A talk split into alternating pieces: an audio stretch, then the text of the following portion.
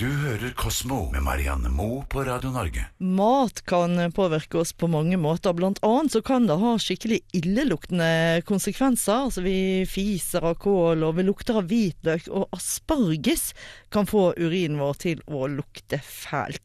Det er flere lesere av forskningen nå som har bedt om en forklaring på dette, Hanne Jacobsen. Og hva kommer det egentlig av at vi svetter og ånder hvitløk f.eks., mens eh, asparges får urinen vår til å lukte?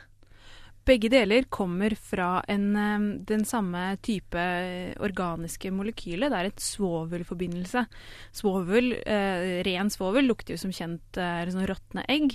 Men veldig mange sånne svovelforbindelser, når de brytes opp i kroppen, så får de en slags illeluktende greie.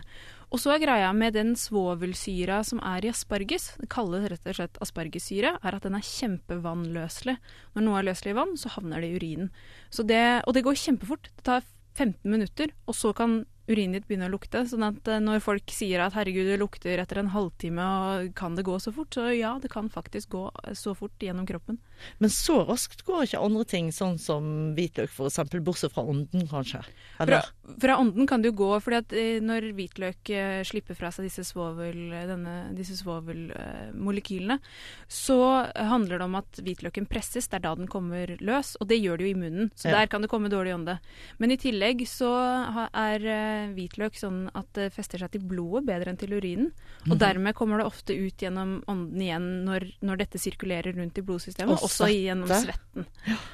Er det noen typer asparges f.eks.? Hvitløk er noe hvitløk, men er det noen typer asparges som er verre enn andre, som man bør styre unna hvis man ikke vil risikere å ja, liksom havne i luktefæl. Ja, det er mulig man har opplevd dette selv. Jeg har i hvert fall gjort det. At hvit asperges det gir en spesielt stram og ganske umiddelbar lukt eh, på, for de som spiser den. Eh, og, og, også hvis, jo friskere den er, da. Altså jo, jo måte, raskere det er siden den ble tatt opp av jorda, så jo mer lukter det.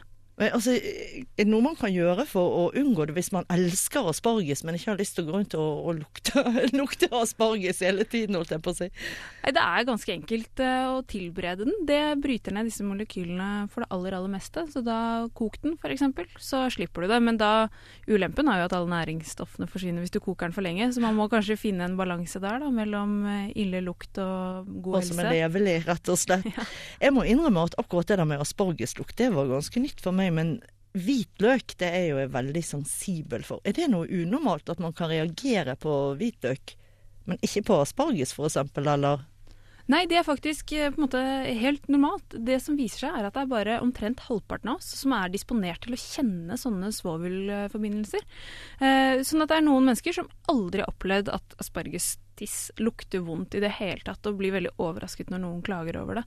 Eh, og det er ja, ganske så nøyaktig 50-50 delt i befolkningen, og det er ingen sammenheng med kjønn eller alder eller noen ting. Det er bare en ren tilfeldighet som gjør at noen aldri ja. vil trenge å gå ut etter en sånn middag. Men betyr, det betyr ikke det at urin ikke lukter, det betyr bare det at jeg ikke kjenner at den lukter. Nettopp. Så jeg kan faktisk lukte og du kan kanskje kjenne det, men jeg kjenner det ikke selv. Nettopp. Det er alle. Wow. det, for aspargesen inneholder jo svovelforbindelser eh, for alle. Eh, alle typer asparges har det, så hvis du og jeg har spist det, så skjer akkurat den samme kjemiske reaksjonen. Du er kanskje bare litt heldig og er beskytta mot eh, stanken som kommer etterpå.